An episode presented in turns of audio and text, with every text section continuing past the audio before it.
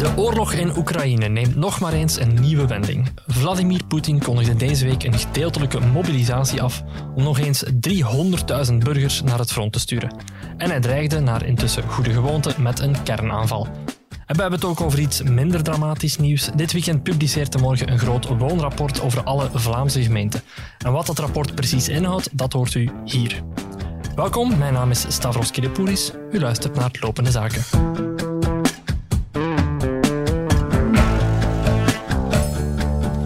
Zaken. Een podcast van de morgen. En om te zorgen dat u deze podcast goed kan volgen, stel ik u nog even de stemmen voor die uw oor zo meteen gaan strelen. Nieuwschef Sarah van de Kerkhoven zit erbij. Dag Sarah. Dag Stavros. Binnenlandjournalist Dimitri Thijskes. Dag Stavros. En zoals gewoonlijk Bart Eekhout, hoofdcommentator van deze krant. Hey Stavros. Ja, uh, Poetin dan maar. Ik had gehoopt dat we het niet nog eens uh, daarover zouden moeten hebben, maar kijk, hier zitten we dan. Uh, Bart, sinds de start van die invasie in Oekraïne hebben we al veel bijzondere ja, ingrepen en verklaringen gezien van Vladimir Poetin. Ik denk dat veel mensen al een soort immuniteit bijna gekweekt hadden. Een beetje het gevoel van, ja, oké, okay, het, het zal dan wel. Mm -hmm. Maar wat we deze week gezien hebben was toch dit min of meer historisch ja. te noemen. Dit, dit was iets bijzonders. Um, ja, om, omwille van die, uh, die aankondiging van een gedeeltelijke mobilisatie. En het is nog een beetje afwachten hoe gedeeltelijk die is. Want er zijn toch al een aantal berichten dat het toch over echt wel heel veel mensen zou kunnen ja, gaan. over een miljoen mensen zelfs. Ja, ja, ja, dus die 300.000 waar eerst sprake van was, dat uh, moet ondertussen toch al met een stevige korrel zout genomen worden. En, en als je puur naar de geschiedenis kijkt, is dat ja, het is geleden van, van de Tweede Wereldoorlog dat echt een militaire grootmacht op het Europese continent uh, een dergelijk uh, militair manoeuvre heeft gedaan. En daarmee zeg ik meteen ook dat dat weinig goeds voorspelt. Uh, als, als, een, als een groot land een dergelijke stap zet, ja, dan kunnen er ook wel eens consequenties zijn die ook voor ons ja, weinig goeds voorspellen. Dus hier zit een somber kijkend man voor u. Ja, um, leg dat nog eens even uit van dat miljoen of die 300.000 mensen, waarom is daar zo'n onduidelijkheid over? Wel, omdat het niet helemaal goed omschreven is. Enfin, het is eigenlijk wel goed omschreven wie er precies in aanmerking komt voor die mobilisatie. Eigenlijk zou het alleen maar gaan over mensen die uh, recentelijk uh, onder dienstplicht uh, geroepen zijn en die dus eigenlijk terug onder de wapens worden geroepen. Maar uit wat we nu zien, beelden uit allerlei regio's, dorpen en gehuchten, gaat het toch over een, ja, ongeveer elke man die beschikt over twee armen en twee benen wordt nog mee de, de, de trein opgestuurd. Dus het gaat echt wel over, over heel veel mensen. Zegt dat ook iets over hoe het gaat met dat, ik ging zeggen met die oorlog, maar het is eerder met die speciale militaire operatie, mm -hmm. zoals Poetin ze noemt. Wanneer je mensen die al jarenlang niet meer getraind hebben, die eigenlijk ook weinig ervaring hebben, mensen die ook slecht uitgerust zullen zijn, als je hen eigenlijk als kanonnenvlees naar die, naar die oorlog moet sturen, dat zegt wel iets over hoe het gaat. Ja, het zegt alleszins iets dat, dat, dat, dat er um, ook vanuit het Russische perspectief of binnen Rusland zelf een nieuwe fase is ingetreden. Hè? Het idee van we, we, dit is een speciale militaire operatie en we, op een paar maanden tijd staan we terug thuis, dat is helemaal verlaten. En nu zijn we eigenlijk aan een, aan, een, ja, aan een volwaardige oorlog begonnen, toch vanuit het standpunt van Rusland. En dat hing al een tijdje in de lucht. Als je kijkt naar hoe de, de, radicale, radicaal rechtse stemmen in het land zelf reageerden. Uh, die waren al een tijdje eigenlijk, zal ik zeggen, de, de, de grond aan het vruchtbaar maken voor deze operatie. Er is een beetje discussie, denk ik, onder de Kremlinologen of Poetin nu eigenlijk in het gedrang, of zijn macht in het gedrang komt, omdat hij heel veel kritiek heeft gekregen van die rechterzijde. Die zeiden, ja, je moet dat al veel langer doen. Je moet stop met, uh, met, met, dat flauwe gedoe. We, gaan gewoon vo, volle bak de oorlog in. Ik denk dat je ook op een andere manier kan bekijken dat eigenlijk vanuit het Kremlin uh, door die kritiek stem te geven, die toe te laten, ook op de, in de media, is eigenlijk de, de, de, bevolking klaargemaakt voor deze stap. Um, maar goed, ja, dat, dus, dus het, het, het wil alleszins zeggen dat het uh, vanuit het standpunt van Rusland, ja, dat, dat, dat het dat zij er niet goed voor staan. Dat zij een, een, een extra maatregel, een, een, noodmaatregel moeten treffen. En op korte termijn, dat, dat, dat heeft elke expert ondertussen ook wel gezegd, levert dat voor Rusland weinig op. Want dat zijn mensen die uh, ja, toch minstens een paar weken moet, een paar, misschien een paar maanden moet, moet, moet terug trainen en, en, en, en van uh, uitrusting voorzien. En die is niet per se uh, voorhanden. En tegen dat die mensen goed en wel kunnen aantreden, ja, dan, dan spreken we toch al over, over wintermaanden. En dan ja, kom je op het terrein toch in een nieuwe fase weer. Dus het is een beetje kijken of dit nu op korte termijn een groot verschil gaat maken. Natuurlijk is er wel een combinatie met het andere belangrijke punt dat op dit eigenste moment aan het gebeuren is, namelijk de referenda in de, uh, de twee betwiste regio's, Luhansk en Donbass. Um, die referenda, ja, dat is natuurlijk opgezet spel, dat, dat uh, elk klein kind weet dat. En moeten ertoe leiden dat eigenlijk uh, met een soort schijnsteun van de nog resterende bevolking eigenlijk die twee regio's kunnen aangehecht worden bij Rusland dan wordt dat eigenlijk vanuit het standpunt van Moskou Russisch gebied en kan elke strijd die in dat gebied geleverd wordt door het Oekraïnse leger beschouwd worden als een soort aanval op het Russische territorium. En dan kan natuurlijk, um, ja, dan kom je ook in een nieuwe fase van de oorlog, waarbij zo'n bezettingsmacht wel belangrijk is. Ja, en waarbij je ook voor het eerst dan vanuit de Russische optiek een aanval zou krijgen, niet van Rusland tegen Oekraïne, maar vanuit Oekraïne naar het Russische grondgebied. Mm exact. En dat opent dus een uh, totaal nieuwe doctrine. Uh, de nucleaire doctrine. Uh, ja, het wordt een beetje echt deprimerend en somber. Maar het zou een, een voorwendsel geven aan, aan, aan Rusland om ja, zich te, verdedigen, zich te verdedigen. Ik moet hier aanhalingstekens gebruiken, want ja, het gaat dus over Oekraïns gebied, maar dat zij dus van, waarvan zij zeggen dat is ons gebied nu. Dus als jullie dat aanvallen, dan vallen jullie ons aan. En dan zou je kunnen je voorstellen dat, uh, uh, dat, dat er ook met nucleaire wapens wordt gestreden. Zoals een aantal Russische politici, en niet van de minste, Poetin zelf eigenlijk, uh, met Viedev al hebben eigenlijk openlijk gesuggereerd dat ze die wapens ook zullen gebruiken.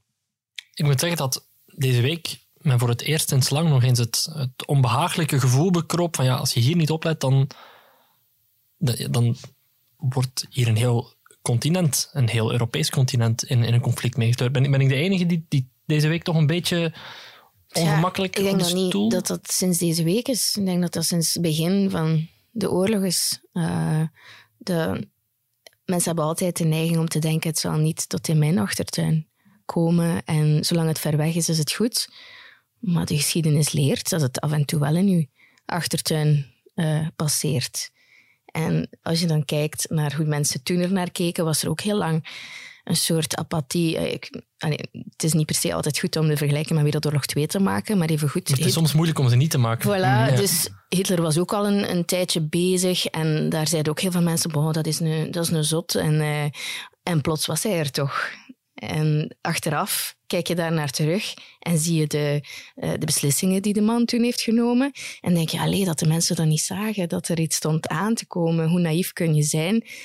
En dat voel je nu ook wel een beetje. Mm -hmm. Maar is, is het verschil nu niet?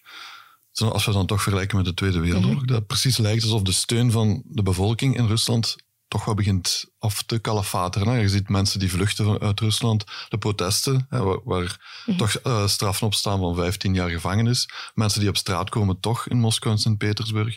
Heeft Poetin nog wel zoveel steun als in het begin? En ook, ook bijvoorbeeld de, de toespraak die hij gegeven had, wat ook vreemd was. Het was eerst aangekondigd dat dat maandagavond, denk ik, mhm. zou zijn. En dan is dat verschoven naar dinsdagochtend. Daar, bepaalde waarnemers zagen daar ook al achter van dat er misschien toch een en ander in spelen is in het Kremlin is het daarom misschien niet dat hij nu zijn hand heeft overspeeld? Misschien wel, want die mobilisatie zal hem in Rusland weinig opleveren, denk mhm, ik. Mhm. Eh, wat, wat, voor nu een aantal mensen nog een oorlog ver weg was en waar mhm. misschien wat apathie was, ja, is het nu misschien je, je vader, je broer, je zoon die uh, naar het front moet vertrekken en die daar helemaal geen zin in heeft.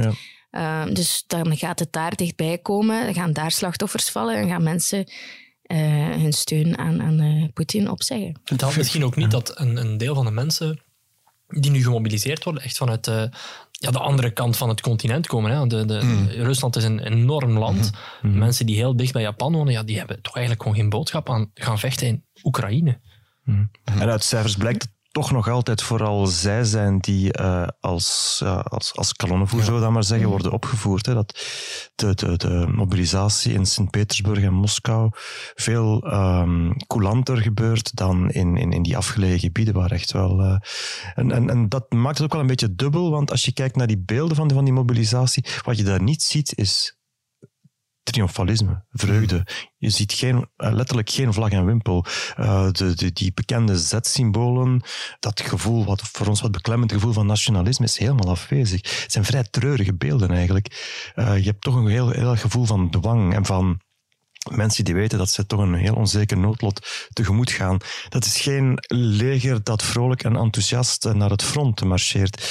Dus dat is alleszins een teken dat zegt van, hm, ja, in Rusland zijn er duidelijk ook wel, um, ja, is er een dubbel gevoel. Anderzijds is het een land um, dat geen geschiedenis heeft van dergelijke uh, volksverzetten. Ze hebben uh, al eerder 1917, eh, de vergelijking is al vaak gemaakt, uh, zonder veel omhaal, massas mensen eigenlijk uh, gewoon naar het kanon gestuurd, gewoon om, om, om de oorlog aan de gang te houden. Dus ze zijn, dat is een land dat, dat, dat, dat niet bang is van dergelijke gruwelijke passages. Maar is het verschil nu niet ten opzichte van toen. Dat het, ja, toen was het echt een heel gesloten land. Ja, nu mm. natuurlijk, men probeert wel de media te controleren, maar er zijn tegenwoordig sociale media. Dus het is een andere generatie. Het is, het is niet zoals Noord-Korea, waar alles uh, volledig wordt, wordt uh, ja, van de mensen weggehouden, of alle informatie. Is dat niet het grote verschil dat jongeren toch ook wel zien, of, of zelfs uh, oudere generaties? Zij kunnen ook vergelijken met wat, er, wat, het, wat het buitenland daarover zegt. En ze hebben ook wel door dat de Oekraïne inderdaad niet degene is die aangevallen heeft. Hè, mm -hmm. Wat, wat Poetin altijd toch beweert. Hè. Anderzijds denk ik wel ook dat je niet moet onderschatten dat die bevolking, ook die jongere mensen, al jarenlang toch in een bepaalde nationalistische denktrand mhm. leven, waarin ja, misschien de kijk op Oekraïne nog wel een beetje dubbel zal zijn. Broedervolk, hoe komt het dat we mhm. ze uh, de kop inslaan? Dus dat, dat, daar zullen ze misschien wat twijfels bij hebben.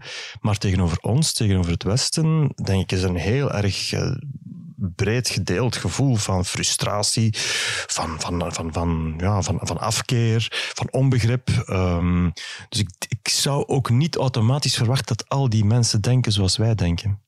En, maar je hebt dan wel, langs de andere kant ook de levensstandaard, die er toch dat was een van de verdiensten van Poetin wel, dat de levensstandaard er na Yeltsin op vooruit is gegaan in Rusland, hè, voor, voor middenklasse van mensen daar gaan ze nu ook allemaal kwijtspelen. Die, die, um, die maatregelen, al die, uh, die boycotts en zo, die, die in, uh, in Europa zijn uitgevaardigd, die beginnen nu wel uh, te bijten.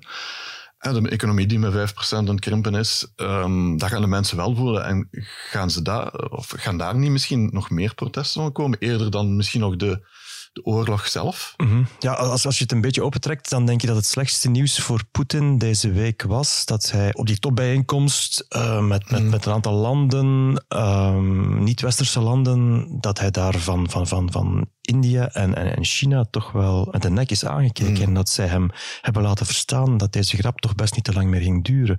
Omdat ook die landen, ja, ze vinden het wel heel prettig dat, dat Europa en in tweede instantie Amerika um, in de knel raken. Maar ze vinden ook wel dat, het, uh, dat er niet te veel gesold wordt met hun economische vooruitzichten. En zeker in China, waar de, de economische groei helemaal stilvalt, is een, een, een soort wereldoorlog, om het dan maar zo te noemen, uh, waar het allerlaatste waar, mm. waar, zij, waar, zij behoefte aan hebben.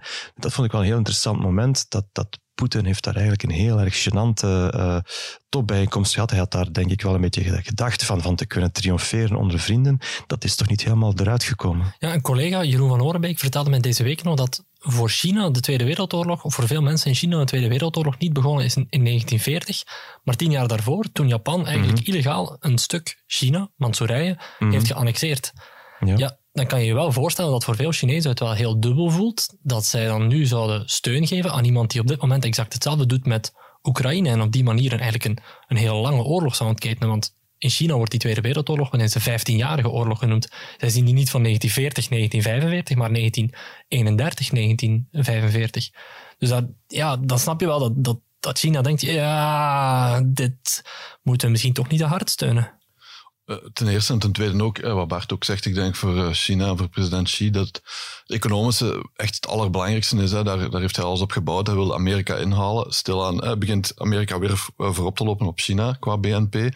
Dus ik denk dat dat, dat vooral zijn grootste bezorgdheid is van de economie gaat hier stilvallen. Hij heeft heel veel mensen uit, uit de armoede gehaald dankzij de economische heropleving. Ik denk dat dat, dat vooral de belangrijkste reden is waarom, waarom China ook nu al op, op, de, op de rem gaat staan. En, en ook heel opmerkelijk was bijvoorbeeld ook uh, Turkije, president Erdogan, die ook zei van mm dat Rusland zelfs de Krim moet teruggeven. Dus uh, voor de eerste keer dat hij, dat hij dat ook zei. Dus ik denk dat Poetin stilaan internationaal helemaal geïsoleerd geraakt. Ja. En ik denk dat dat ook een van de grote problemen gaat zijn voor hem. Mhm. Mhm. Ik wil nog eens terug, Bart, naar die, die beelden die je daarnet vernoemde, van die, ja, die, die die mannen die, die op de bus moeten stappen richting ja, een plek waar ze nog nooit geweest zijn en een plek waar ze eigenlijk vaak niet voor willen vechten die families, je ziet die echt verscheurd worden. Ik vraag me dan vaak af, zouden wij op die, op die bus stappen?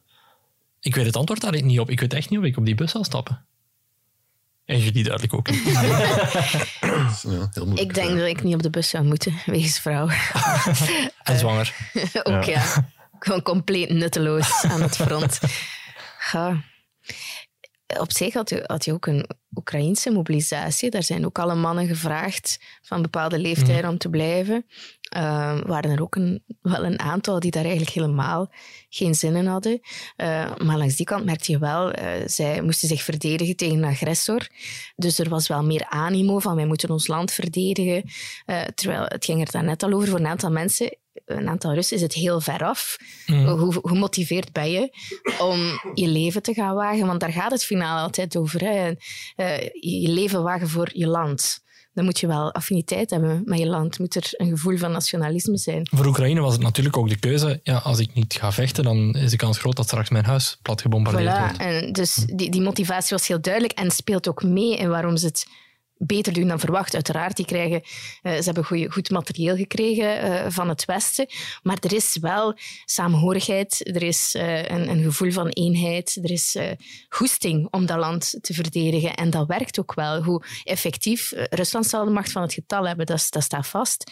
Maar op het einde van de dag heb je ook dat nodig, dat nationaal sentiment om je, ja, je leven te willen geven voor dat land. Daar heb ik wel mijn vragen bij, hoe dat voor Rusland zal zijn. Ja, zeker omdat ze in Rusland ook uh, iedereen die protesteert tegen de oorlog naar het front gaan sturen. Dan kan je je wel voorstellen dat ze niet de meest gemotiveerde mensen zijn om uh, ja, hun leven te geven. Nee, als je nu aan mensen moet op een bus sleuren naar het front, ja, die zullen nog altijd niet van zin zijn om daarvoor voorop te lopen, denk ik. Deze ja, uitstap van Poetin, zal ik het maar noemen, is dat nu een evenwichtsoefening tussen ja, zich sterk tonen tegenover Europa en de NAVO en anderzijds ook in eigen land niet te veel kritiek uh, oplopen? Of is het ja, meer een wanhoopsdaad van iemand die, die ziet dat hij eh, grote verliezen heeft geleden en dan maar iets probeert? Mij lijkt het vooral het tweede. Ik denk dat het echt ten einde raad is, omdat hij ook ziet van, ja, dat het niet, niet goed loopt hè. in Oekraïne. Dat is wel duidelijk. Hè. Dus uh, hij dacht om daar Oekraïne op tien dagen in, in, te nemen, zoals met de Krim gebeurd is. Hè. Maar dat is mislukt. En ik denk dat hij nu vooral een, een een op een of andere exit uh, zoekt, maar die is er op dit moment niet. Hè. Dus voor, ik denk, uh, er kan geen enkele toegeving gedaan worden aan Poetin op dit moment. en dat is het grote probleem. Hè. Dus hij moet daar um, ergens ongeschonden uitkomen, of toch met, niet met volledig gezichtsverlies uitkomen voor hemzelf. En ik denk dat dat het grote probleem is. Dat gaat, dat gaat niet lukken. Dus hij moet iets kunnen bewijzen dat, dat het iets heeft uitgehaald. En ja, hij probeert dan nu met alle middelen met vooral ook te, uh, te bluffen. Hij zegt het is geen bluff, maar ik denk dat het toch vooral bluffen is. Hè, want uh, met nucleaire wapens, ik denk ja, dat is, dat zelfmoord als, als hij met nucleaire wapens begint. Dus mij lijkt dat vooral uh, het grote probleem waar dat hij nu mee zit vanuit zijn standpunt bekeken. Mm.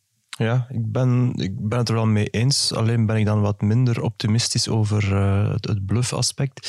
Juist het feit dat, dat het iemand is in, in, een soort wanhopige situatie maakt het volgens mij juist gevaarlijk. Omdat hij al vaker heeft getoond, ook in deze oorlog, dat, dat rationaliteit niet bepaald bovenaan zijn uh, palet van talenten staat. Um, het is iemand die, die, echt wel... Um, ja, heel erg vergaande beslissing durft Hmm. nemen. Hè. Je zou ook rationeel kunnen zeggen dat hij ten alle prijzen wil de gasinstroom, dat het in, in, in, het belang is van zijn land, dat het dan het welzijn blijft gegarandeerd. Ja, nee, hij heeft gedreigd met, met, met, met de gastoevoer te sluiten en hij, heeft, hij doet het ook min of meer. Du- Dus hij durft wel... ehm, het is niet iemand die, die in een rondje bluffpoker niet durft doorspelen. Nee, dat is waar. Maar ja, met bijvoorbeeld eh, de, met de gas dicht te draaien als uh, het Westen. Hij denkt ook wel denk, daarbij na van wat kan, hoe kan het Westen dan reageren. Ja, wij kunnen daar niet echt op reageren. Nu, als hij met nucleaire wapens begint, dat, dan weet hij ook dat dat een strijd is die hij ook niet kan winnen. Ja, dus ik denk dat hij van het standpunt nogal, hij, hij gaat inderdaad wel ver, maar dat hij al, altijd wel weet dat hij niet, niet te ver gaat om, om eh, zelfmoord eh, te plegen. Laat het hopen. Ja, ik, ik, ik hoop het met u mee. Ik weet ook niet. Ik vind, het is zo'n man die heel erg drijft op ego. Eh, als dat gekrenkt wordt, dan wordt het soms gevaarlijk. Maar hij is- heeft bijvoorbeeld ook nog niet, eh, op dit moment nog geen enkele eh, NAVO-grens overschreden. Hè. Dus hij heeft nog niet in Estland, Letland, Litouwen. Er was ook een, toen een Kaliningrad waar hij niet binnenkwam. Met zijn, dus daar heeft hij ook niet beslist om, om dan eh, Litouwen of zo Nee, maar in te vallen. Dus hij weet wel waar, waar de grenzen liggen en, en wat, wat, wat de stap te ver is, denk ik. Dat is helemaal juist. Anderzijds, eh, een van de reacties op de mobilisatie in Rusland was wel verhoogde staat van paraatheid juist in die landen. En dan weet je, accidenten kunnen altijd gebeuren. Mhm. En ik, ik kom even terug op het punt dat, dat, dat Sarah maakte. Ehm, een van de dingen die wij in ons modern, gelukkig door vrede ehm, gekweekt perspectief zitten, is wij zijn niet meer gewend aan de kalender van een oorlog. Het duurt nu al een half jaar, het is al eens tijd dat het hier gedaan is, zeker, want al die energiecrisis. Zo tof is dat allemaal, stop daar eens mee. Maar zo werkt een oorlog niet. Dat duurt jaren en jaren in de voorop, in de opbouw.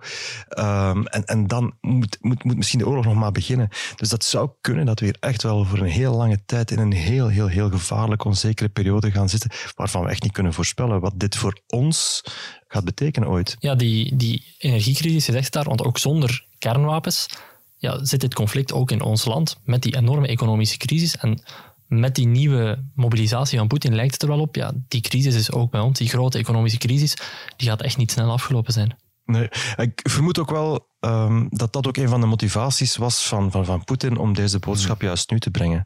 Ja, hij ziet ook wel dat wij eh, nu al redelijk op de tanden zitten, eh, of op het tandvlees zitten bedoel ik. En dat, dat er heel wat begrijpelijke onvrede, frustratie is bij mensen die plots eh, facturen in de bus krijgen eh, waarvan je het bestaan voordien niet vermoedde. En, en dat dat, ehm, ja, dat, dat is wel een, een, grond is voor, onbehagen, voor angst. En hij wil daarop inspelen door te zeggen van jongens, dit is nog maar het begin. En dat zal dus ook voor ons eh, de opdracht. het is niet aan mij om, de bevolking te motiveren, maar ik denk dat wij geen andere keuze hebben dan toch effectief te blijven op dat tandvlees bijten en, en, en, en door te bijten. En even eh, toch te, de- zo goed en zo koud als het lukt deze winter door te komen. Ja, het probleem is wel, dat is een kaart die hij nu uitspeelt, inderdaad. Maar dat is een kaart die je maar één keer kan uitspelen. Want wij zijn met die Ja. Ik kan niet volgende bezig. winter weer zeggen, ik ga weer mobiliseren. Dus dan Nee. zijn we er. Hè, dan, Nee, maar ik bedoel ook van hè, die, Ja. met, met eh, het gas, het spel met het gas, dat kan hij ook maar één keer doen. Want hè, we zijn nu, nu zal het moeilijk zijn. Hè? Die transitie gaat niet zo snel. Maar ik denk volgende winter zullen we wel beter voorbereid zijn. En dat is een kaart die hij nu ook al heeft, volledig heeft uitgespeeld. Die kan hij ook maar één keer op tafel leggen. Hè? Juist.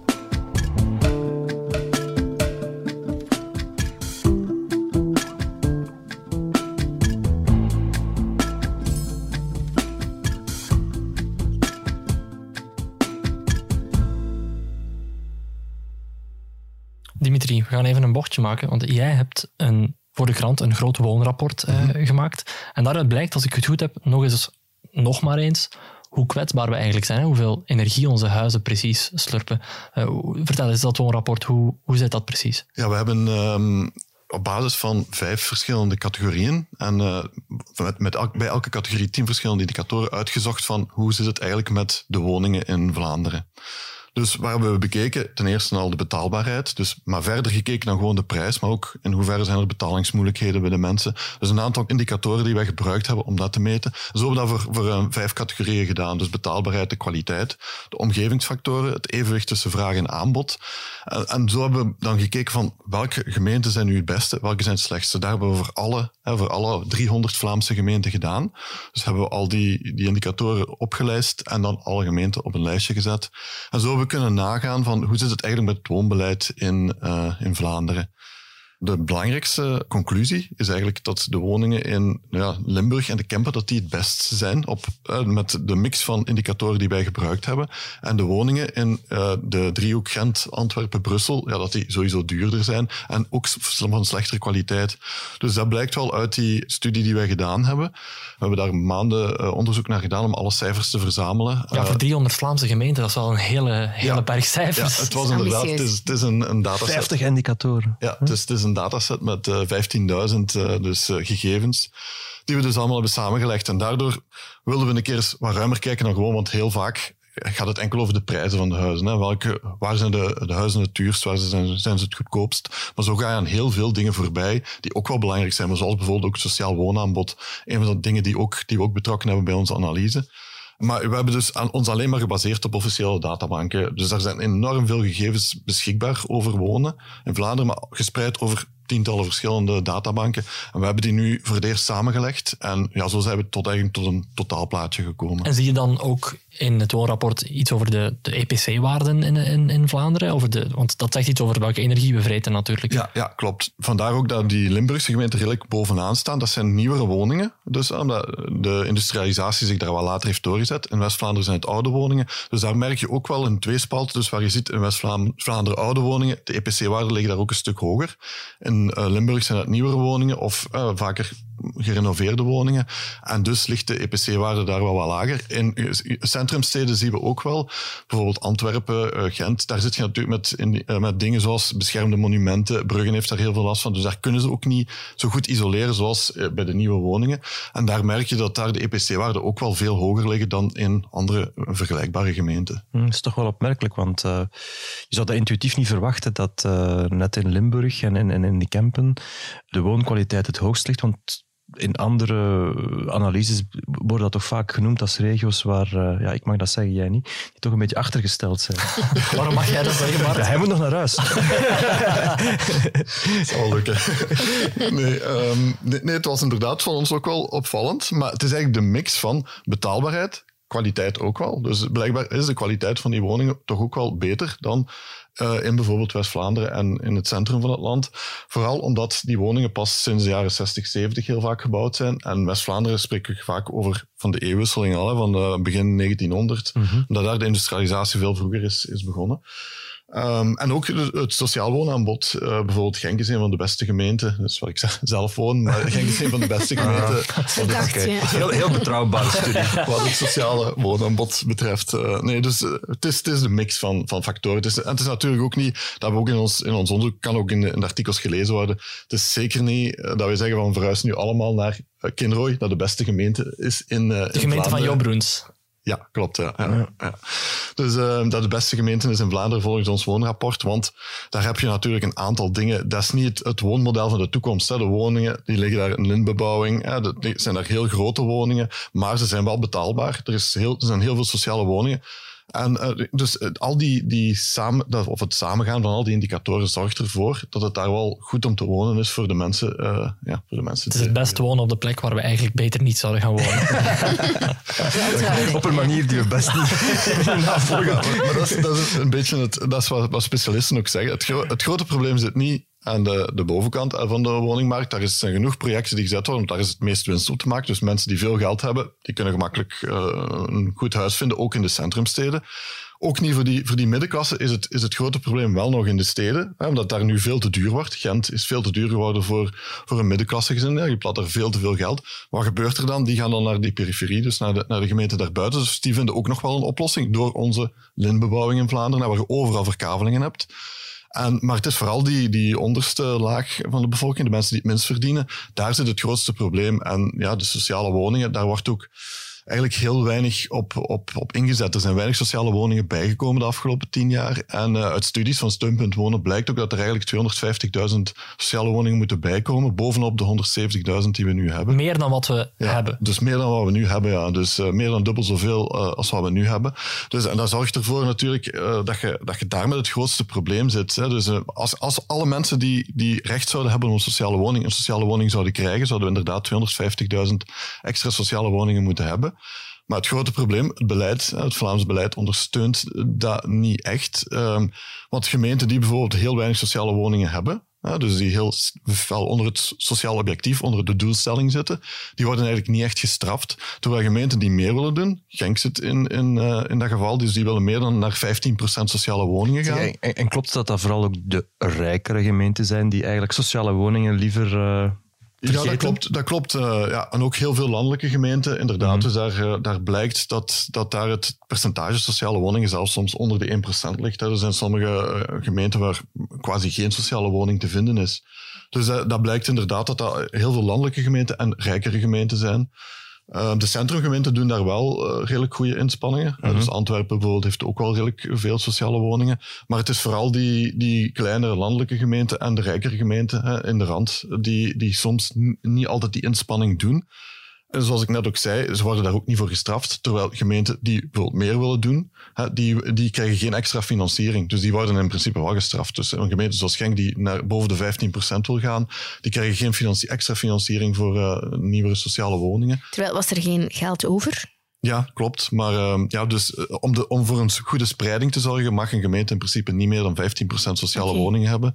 Dus uh, vanuit het Vlaams beleid wordt gezegd, het is goed om voor een spreiding te zorgen. Maar als men dan die gemeenten die niks doen, niet verplicht of op een, een ja. of andere manier verplicht maar om meer een, te doen. een pot geld die niet, niet onaangeroerd wordt. Klopt. En gemeenten die meer willen doen, krijgen geen cent. Ja, ja. klopt. Okay. Ja, klopt. Dus, uh, en dan gemeenten die. Triest. Ja, inderdaad. En, en daarom probeert men nu wat meer, vooral vanuit de Vlaamse overheid, wat meer een beroep te doen op uh, private partners. Maar dus, uh, dus dan, een, dan is het eigenlijk zo dat, dat ze een gedeelte van dat geld ook mogen gebruiken voor woningen te zetten die niks met sociaal woonbeleid mm -hmm. te maken mm -hmm. hebben.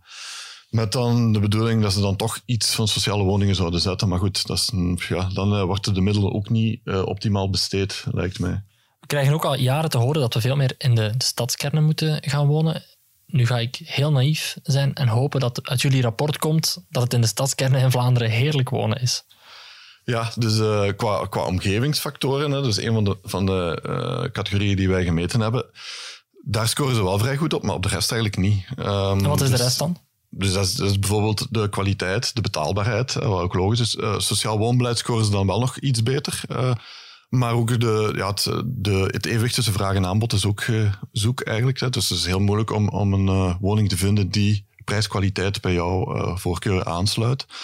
Die centrumsteden scoren eigenlijk heel laag in ons rapport. Dus de eerste centrumstad staat op de 189ste plaats en Antwerpen staat zelfs pas 298ste in onze ranking. 298 van de 300. Van de 300, ja. ja gewoon doordat de kwaliteit vrij slecht is, de betaalbaarheid. Dus het is onbetaalbaar bijna om nog iets te vinden in, in Antwerpen. Het zou eigenlijk de bedoeling moeten zijn dat die centrumsteden hoger op onze ranking komen door ze meer betaalbaar te maken.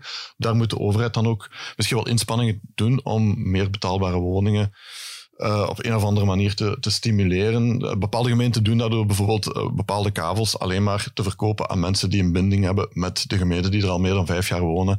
Dat soort dingen. Dus dat soort initiatieven moeten misschien wel meer genomen worden, ook, ook in, die, in die steden. Maar goed, de, de, de, grond en de woningen zijn daar gegeerd. Dus daar, is het, daar speelt de wet van vraag en aanbod enorm hard. En daardoor is het daar ja, quasi onbetaalbaar geworden. Maar in principe zou, het, zou dat het model van de toekomst zijn dat je meer in die steden, of toch tenminste in, in de periferie van die steden gaat wonen. Dus dat je meer van het platteland weggaat. Die lintbebouwing, dat is enorm duur qua voorzieningen en zo.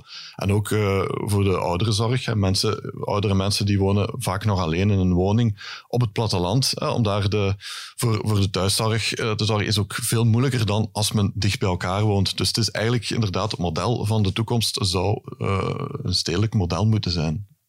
Maar hoe raak je daar dan? Hoe raak je uit die, ja, die context waarbij iedereen in de steden moet gaan wonen, maar daardoor de, de verhouding tussen vraag en aanbod totaal scheef getrokken wordt? Ja, dus je moet daar, zoals ik net ook zei, je moet daar proberen om, om ook voor een betaalbaarder aanbod te, te zorgen. De huurmarkt bijvoorbeeld is, is eigenlijk in, in Vlaanderen helemaal niet gereglementeerd of zeer weinig. Ik bedoel dan vooral de, de prijzen. En sommige landen proberen ze daar ook wat op in te grijpen. Dat gebeurt bij ons niet. Dus dat wordt gewoon de wet van vraag en aanbod geldt daar. Waardoor dat die ook enorm zijn, zijn opgelopen in die steden. Ik denk dat we misschien daar wat meer inspanning moeten doen. En dan vooral ook sociale woningen. Dus dat is opnieuw hetzelfde punt, maar ook in, grotere gemeenten die wel al veel inspanningen doen, maar moet er misschien nog meer gebeuren om sociale woningen te voorzien, dan krijg je sowieso al woningen die betaalbaar zijn voor de mensen. Ik denk dat dat vooral ja, een punt is waar ook alle experts unisono zeggen van die sociale woningen, dat moet echt het, het speerpunt worden van, van een goed woonbeleid in Vlaanderen. En waarom?